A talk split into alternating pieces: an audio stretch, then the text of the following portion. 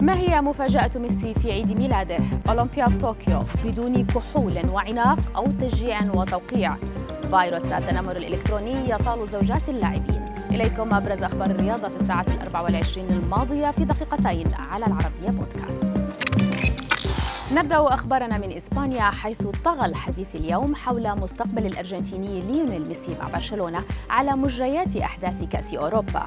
التقارير الصحفية تناقضت فيما بينها بشأن حقيقة توقيعه العقود الجديدة. وكالعادة كل يدلي بدلوه. برنامج الشرنجيتو الشهير أكد وبشكل قاطع اتفاق ميسي على تفاصيل العقد الجديد والبقاء موسمين في إقليم كتالونيا دون تغيير في راتبه السنوي. أما عن الإذاعات الإسبانية فأكدت هي الأخرى من طرفها أن ليو لم يتوصل لأي اتفاق مع برشلونة ونفت تماما إعلان تجديد العقد يوم الخميس بالتزامن مع عيد ميلاده الرابع والثلاثين.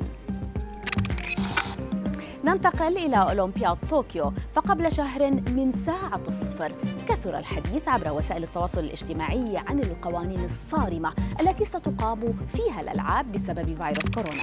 تلك القوانين بحسب ما أعلن المنظمون تمنع الأجواء الاحتفالية وشرب الكحول أو العناق إلى جانب عدم السماح بطلب توقيع من الرياضيين أو التعبير عن دعمهم لفظيا أو التلويح بمنشفة أو القيام بأي نوع من الهتافات الذي من شأنه أن يؤدي إلى تجمع الناس.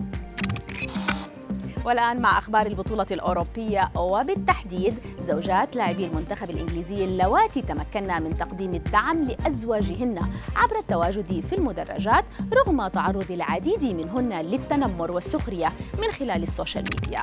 كيتي جودلاند زوجة هاري كين تواجدت في لقاء إنجلترا والتشيك الأخير ولم تبدي أي اهتمام بالتعليقات الخاصة بملابسها ووصفها بالمحقق.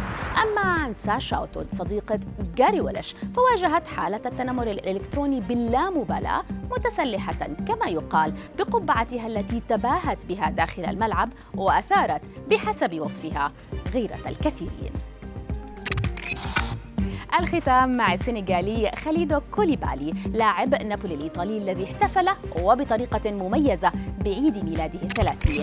احتفالية لاعب نابولي الإيطالي تضمنت قيامه بعمل خيري تجاه بلاده السنغال من أجل مواجهة تداعيات كورونا وتقديم سيارتي إسعاف إلى جانب آلاف الأقنعة والأدوات الطبية.